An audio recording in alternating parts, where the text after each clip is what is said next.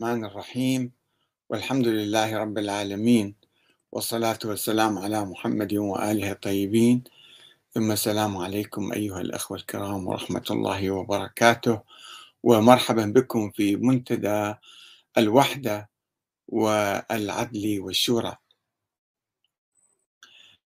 الشيخ الأمي آه، جعفر السبحاني يقول لعم للتقريب بين المذاهب الإسلامية. لا يقول نعم ولا يقول لا وإنما يقول اللعن. نرى كيف هذا يعني يمكن الجمع بين آه، الرأيين أو بين القولين. في مقابلة له قبل أيام مع آه، أعضاء المجلس الاستراتيجي للتقريب بين المذاهب الإسلامية في معهد الدراسات التقريبية.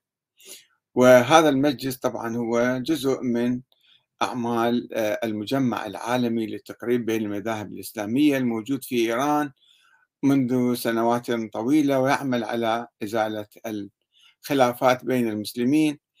آه، وكان هذا المجلس أو أعضاء هذا المجلس قد التقوا بالشيخ جعفر السبحاني باعتباره أحد المراجع لكي يتلقوا توجيهاته في هذا المجال. آه، ومن أبرز ما قال هذا الشيخ أن الشيعة يحترمون الصحابة لكن لا يغضون الطرف عن الانحراف. وأكد على أهمية التقريب وأن ما يجمعنا أكثر مما يفرقنا. آه، وقال أيضا أن التقريب بين المذاهب الإسلامية لا يعني تشييع السني أو تحويل الشيعي إلى سني. موضحا أن التقريب يعني الحفاظ على المذاهب الإسلامية كما هي وأن ما يجمعنا أكثر مما يفرقنا. وأكد على ضرورة بيان المشتركات أمام الرأي العام ومناقشة الخلافات في الجامعات والمراكز العلمية لا أمام عامة الناس. طبعا قناة الولاية في طهران تناقش كل شيء في قم هذه القناة. تابعة للشيخ ناصر مكارم شيرازي على الملأ وبعنف تناقش كل القضايا. آه، وفيما حذر آه، الشيخ جعفر السبحاني من أن يؤدي التقريب إلى التذويب. حذر من ذلك. قال يجب أن لا نحاول تشييع السني أو تحويل الشيعي إلى سني. آه، مشددا على ضرورة الحفاظ على أصول المذاهب الإسلامية في إطار التقريب بينها والتمسك بحبل المشتركات. وطبعا قال إذا لم نكن صفا واحدا أمام أعداء الإسلام فسيلقون بنا في بئر الهلاك.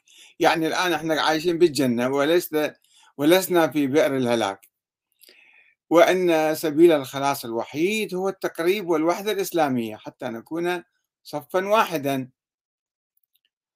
آه، وأيضا طالب بتبيين آراء مدرسة أهل البيت وتقديمها للآخر طالب هذا آه، المجلس أو أعضاء هذا المجلس.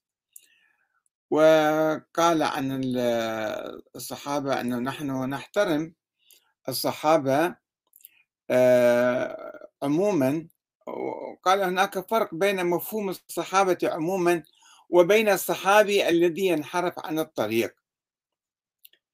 آه، موضحا أن الصحابي بما هو صحابي محترم فالصحابة رأوا نور النبي الأكرم صلى الله عليه وآله وتربوا على يديه لكن هذا الاحترام لا يمنع أن نغض الطرف عن الانحراف إذا كان قد حدث. طبعا هذا آه، في مناقشة كثيرة آه، لمختلف النقاط التي طرحها.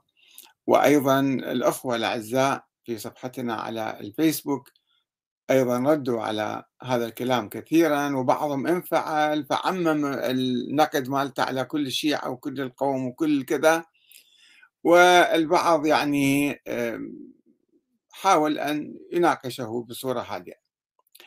هناك أسئلة كثيرة في الحقيقة على آه، هذه التوجيهات التي قدمها الشيخ جعفر السبحاني وهو يعتبر من أكثر الكتاب والمؤلفين في حوزة قوم وأيضا يعتبر من المراجع الكبار الآن في حوزة قوم. فكلامه له آه، يعني تأثير على قطاع معين لا أقول قطاع واسع ولكن قطاع معين. ولكن لدينا مجموعة أسئلة. أولا من يمثل السبحاني؟ يعني حتى لو قال آه، مرجع أو سموه نفسه آية الله هل يمثل الشيعة في كل مكان الآن؟ أم يمثل الجمهورية الإسلامية الإيرانية؟ أم يمثل نفسه فقط؟ هذا سؤال مهم جدا حتى نعرف ونشوف ونقارن بين التطورات الحاصلة في المجتمعات الشيعية. ثم سؤال ثاني ما هو يعني حتى نبحث موضوع التقريب أو الوحدة الإسلامية بصورة شفافة ودقيقة ومنتجة لابد أن نتساءل أولا ما هو جوهر المذهب الشيعي؟ ما هو مذهب البيت؟ وما هي النظريات المغالية والفرضيات الوهمية الأسطورية الدخيلة في هذا المذهب؟ يعني كلما وصلنا الآن كلما أسسه الشيخ المفيد قبل ألف سنة عندما أسس النظرية الاثنى عشرية. هو يمثل مذهب أهل البيت أم فيه انحراف في هذا المذهب عن أهل البيت؟ والخلاف آه، مع أهل السنة. حول مذهب أهل البيت يعني السنة يرفضون مذهب أهل البيت أم يرفضون النظريات المغالية والأسطورية الدخيلة؟ فهذا حتى نحل العقدة هذه لأنه يجوا ناس يمثلون يدعون تمثيل الشيعة وتمثيل مذهب أهل البيت. وتعال يا سنة نتفاهم معاكم وأنتم ابقوا على مذهبكم وإحنا نبقى على مذهبنا. ما هو المذهب السني أيضا؟ مثل ما نقول ما هو المذهب الشيعي نقول ما هو المذهب السني. المذهب السياسي المذهب الفقهي الفتاوى الغير المعقولة مثلا مخالفة للقرآن الكريم بطاعة الحكام الظلمة الفاسقين الفاجرين الظالمين. هذا هل هذا من مذهب أهل السنة أم هذه أيضا آه، أفكار دخيلة في هذا المذهب؟ فلا بد أن نعرف حتى نتحاور بإيجابية وبصورة منتجة أن نعرف ما هو مذهب أهل البيت الحقيقي وما هو مذهب أهل السنة الحقيقي المذهب اللي يتبع كتاب الله وسنة رسوله. وأيضا هل الشيعة اليوم ولا سيما في الجمهورية الإسلامية الإيرانية هم شيعة إمامية اثنا عشرية؟ حتى الشيخ مثلا جعفر السبحاني يقول نحن نمثل هذا المذهب خل يبقى نبقى على هذا المذهب. أم هم أقرب إلى الفكر السني؟ بعدما تحاوروا وتناقشوا وأخذوا وأعطوا مع الآخرين وتطوروا إلى الجمهورية الإسلامية الإيرانية اللي قائمة على الفكر الديمقراطي وانتخاب الإمام مثلا وعدم اشتراط العصمة والنص والسلالة آه، في الحكام المعاصرين الآن لا في القائد ولا في رئيس الجمهورية. فالشيعة ماذا يمثلون الآن. من هم الشيعة؟ سؤال آخر. هل الوحدة الإسلامية تقوم حول القضايا التاريخية والفقهية؟ يعني إحنا عندنا فد رؤية تاريخية مثلا حول ما حدث بعد وفاة الرسول وعندنا مسائل فقهية نختلف فيها. فالحوار من أجل الوحدة والتقريب يقوم حول القضايا التاريخية أنه إحنا عندنا رؤية وأنتم عندكم رؤية. تحتفظوا برؤيتكم وإحنا نحتفظ برؤيتنا. وإحنا عندنا فقه وأنتم عندكم فقه أم الوحدة الحقيقية تقوم على أساس تحقيق العدل والحرية والمساواة لعامة الناس. موضوع يعني معاصر. وهل يمكن كما قال الشيخ الشيخ جعفر السبحاني هل يمكن إقامة الوحدة أو التقريب بين المذاهب؟ شوي مخفف الوحدة يعني. على أساس احتفاظ كل مذهب بما فيه. بما فيه من سلبيات وخرافات وأساطير. وبما يقرره شيوخ المذاهب والمراجع اللي يصدون. وكل واحد حامل لقب آية الله مثلا. هل يمكن إقامة الوحدة والتقريب بهذه الصورة؟ أم لا بد أن تقوم الوحدة الإسلامية على دراسة المذاهب جميعا ووضعها في بوتقة واحدة وأخذ الإيجابيات منها وترك السلبيات. ومو بإرادة وبقرار من المراجع والشيوخ وإنما بإرادة شعبية مستقلة عن هؤلاء المراجع. يعني كل إنسان كل مثقف كل مؤمن هو حر يسعى من أجل الوحدة الإسلامية يقوم بالنظر إلى كل التراث الإسلامي السني والشيعي. نظرة واحدة ويأخذ الإيجابيات ويترك السلبيات والخرافات والأساطير. وهذا يعني أن الحل لأزمة التقريب بالحقيقة هناك أزمة لأنه منذ عشرات السنين يرفعون هذا الشعار ولم يهتدوا إلى شيء معين.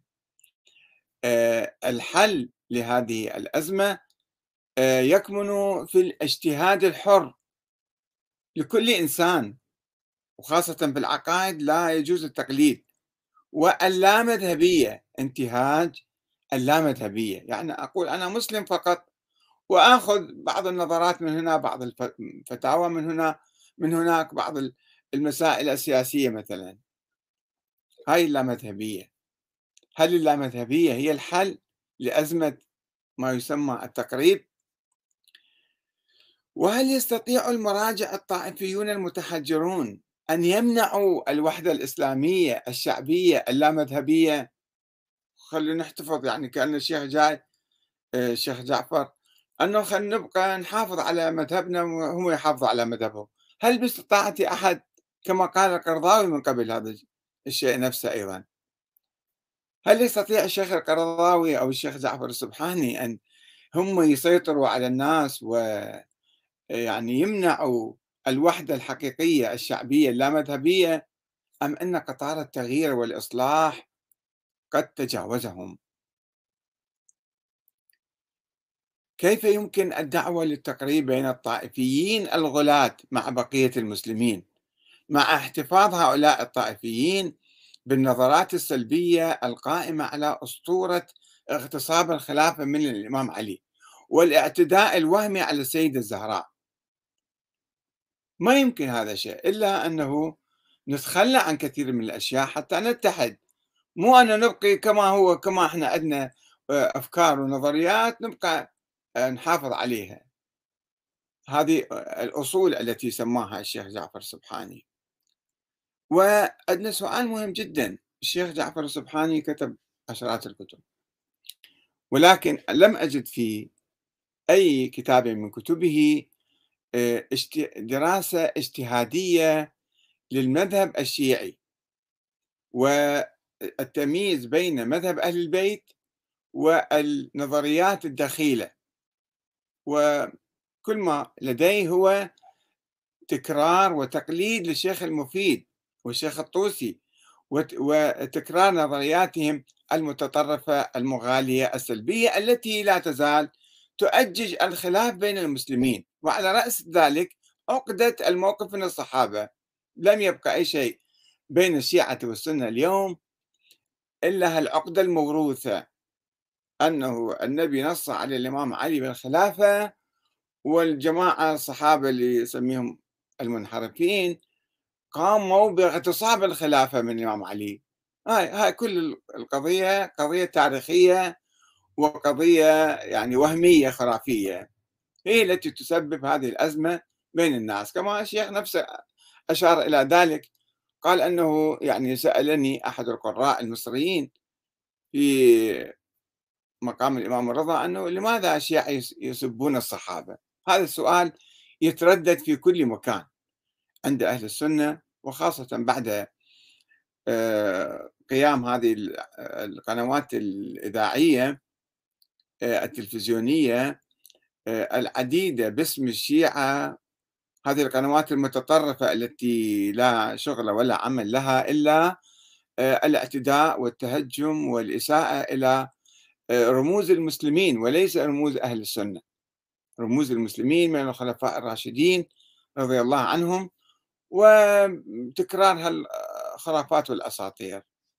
وأيضا تعرفون أنتم في مناسبات عديدة في شهر جماد الأولى وجماد الثانية أن هناك مجالس التعزية الخطباء يحونها في كل مكان ويعيدون القصة مع قصة الاعتداء على الزهراء في مجالس طويلة عريضة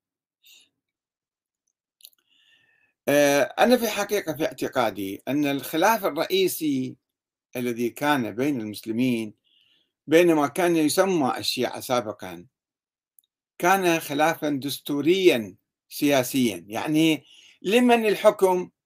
نظرية الإمامة تقول الحكم لأهل البيت لهذه السلالة من أبناء علي والحسين.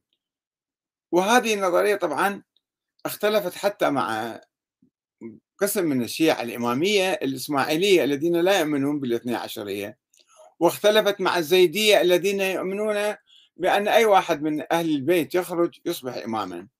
ليست لديهم قائمة مفصلة ولا يؤمنون بالعصمة أو النص على الأئمة.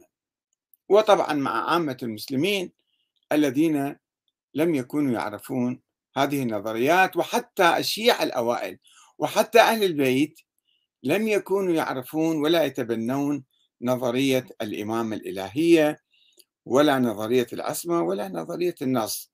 إنما هذه نظريات دخيلة. هي كانت سبب الخلاف والآن هم أهل البيت ما موجودون. يعني قبل ألف سنة انقطعت سلسلة الإمامة بوفاة الحسن العسكري دون خلف.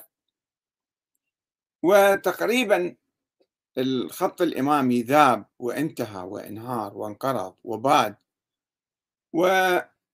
وتلاشى هؤلاء الذين قالوا بالإمامة إلى أن جاء الشيخ المفيد مع مجموعة أخرى من المشايخ كالشيخ الكليني والصدوق والطوسي والمرتضى بعد مئة عام تقريبا وأسسوا المذهب الاثني عشري آه، في ظل الخلافة العباسية وفي ظل سيطرة السلاطين البويهيين في مقابل المذهب الإسماعيلي الفاطمي الذي كان قد أقام دولة كبرى في شمال أفريقيا وزحف إلى الشام والحجاز واليمن.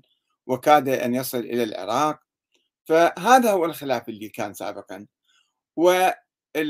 وتوابع هذا الموقف توابع هذا الموقف آه، ظهر ظهرت في آه، الموقف السلبي من الصحابة وأسطورة الاعتداء على الزهراء التي أيضا ألفت في القرن الرابع الهجري مع تأسيس المذهب الاثني عشري.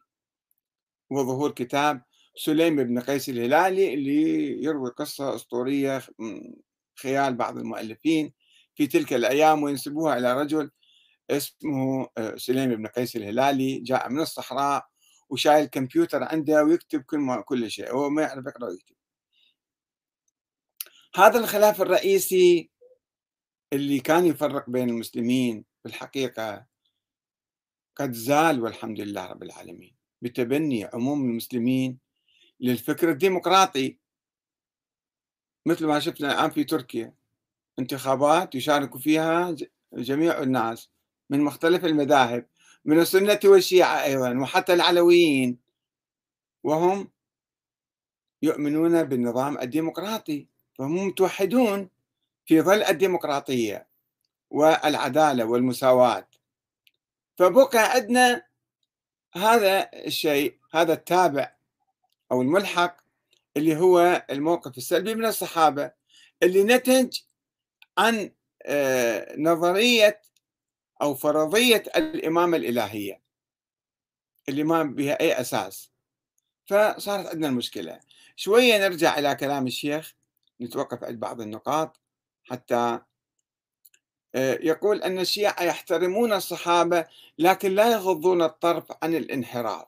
لم يبين ولكن معروف قصده أنه آه، اغتصاب الخلافة.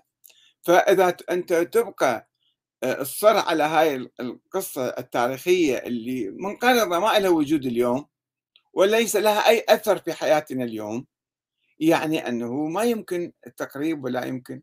مثل واحد عندك آه، يجيك يقول لك الإمام علي كان كافر الخوارج الذين كفروا الإمام علي.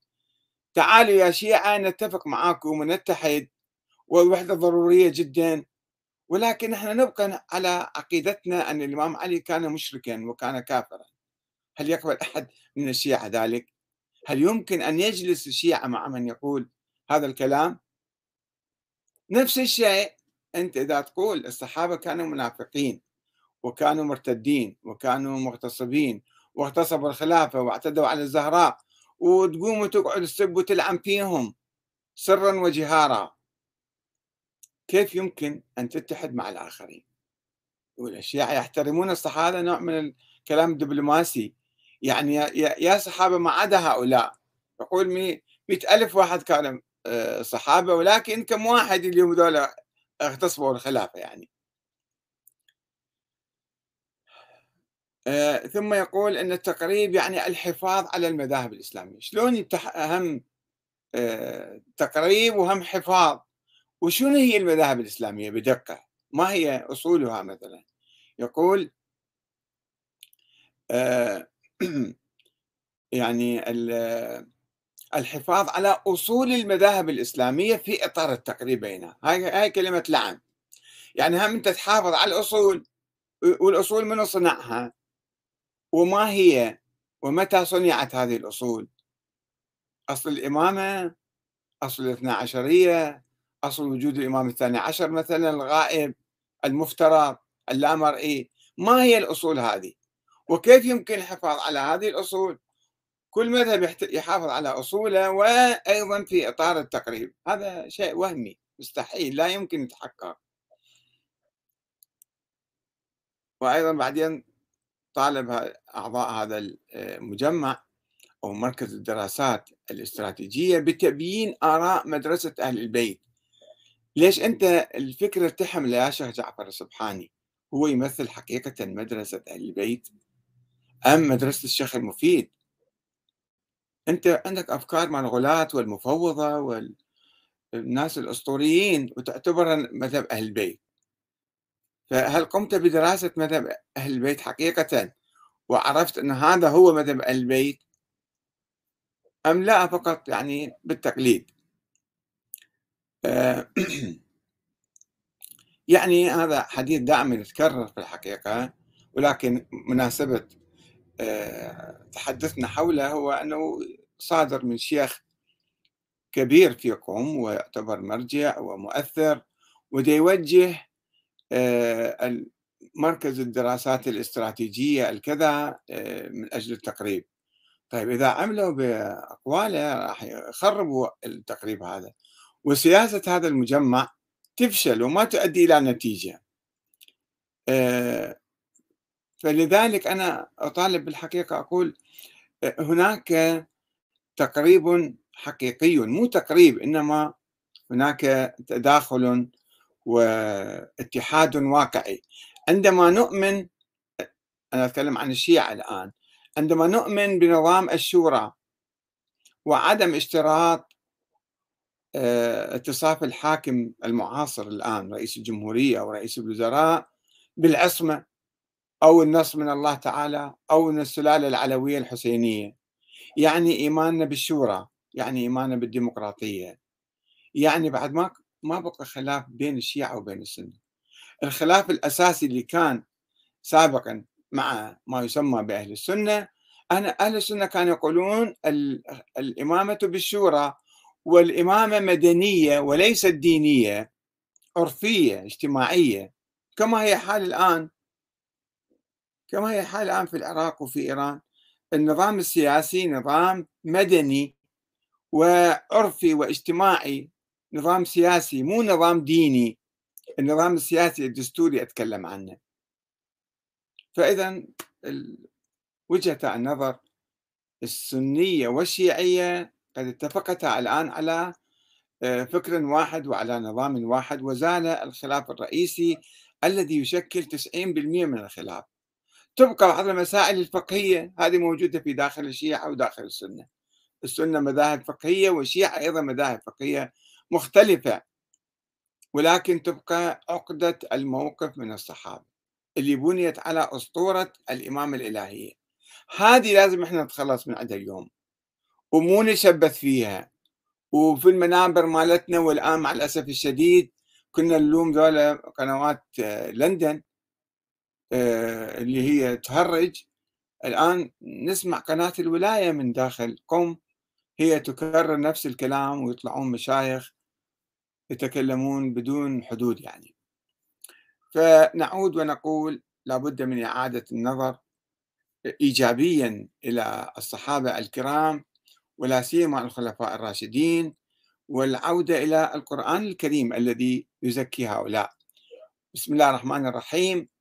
والسابقون الأولون من المهاجرين والأنصار. من السابقون الأولين من المهاجرين؟ أبو بكر وعمر على رأسهم. وعثمان. والذين اتبعوهم بإحسان رضي الله عنهم ورضوا عنه وأعد لهم جنات تجري تحتها الأنهار خالدين فيها أبدا ذلك الفوز العظيم.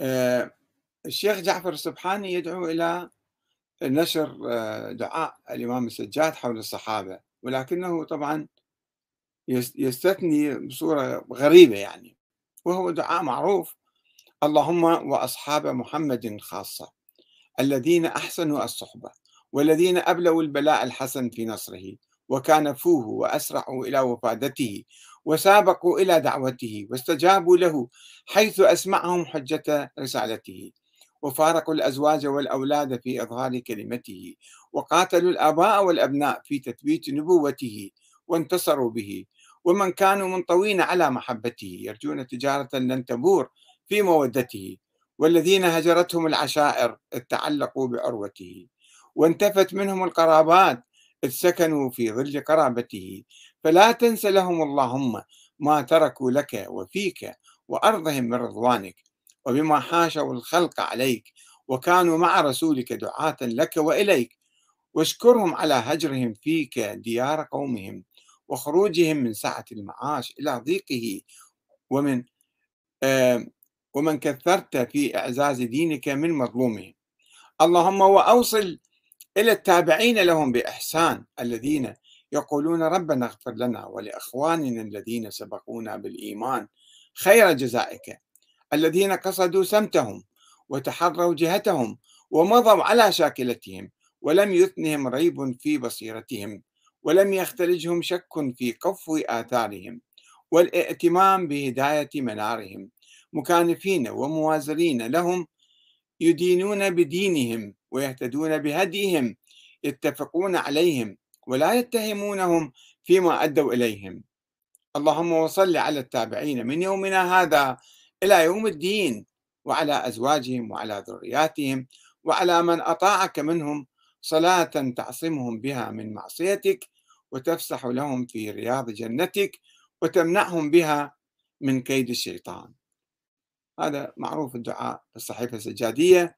للإمام زين العابدين دعاء صفحة 27 و 28 فهذا الدعاء إحنا نجي نخرقه ونقول لا إلا من انحرف. كيف تثبت الانحراف؟ على أساس أيديولوجي يعني مو على أساس واقعي وتاريخي ودراسة تاريخ أهل البيت وإنما على نظرية معينة وعلى ضوءها أنا أقرأ التاريخ وأكتبه من جديد. أسأل الله أن يهدينا إلى مذهب أهل البيت الصحيح اللي هو مذهب الإسلام ومذهب جميع المسلمين آه، وأيضا آه، يعزز فينا روح الوحدة الحقيقية وليس التقريب الشكلي الوهمي وحتى نقيم العدل في هذه الأرض. والسلام عليكم ورحمة الله وبركاته.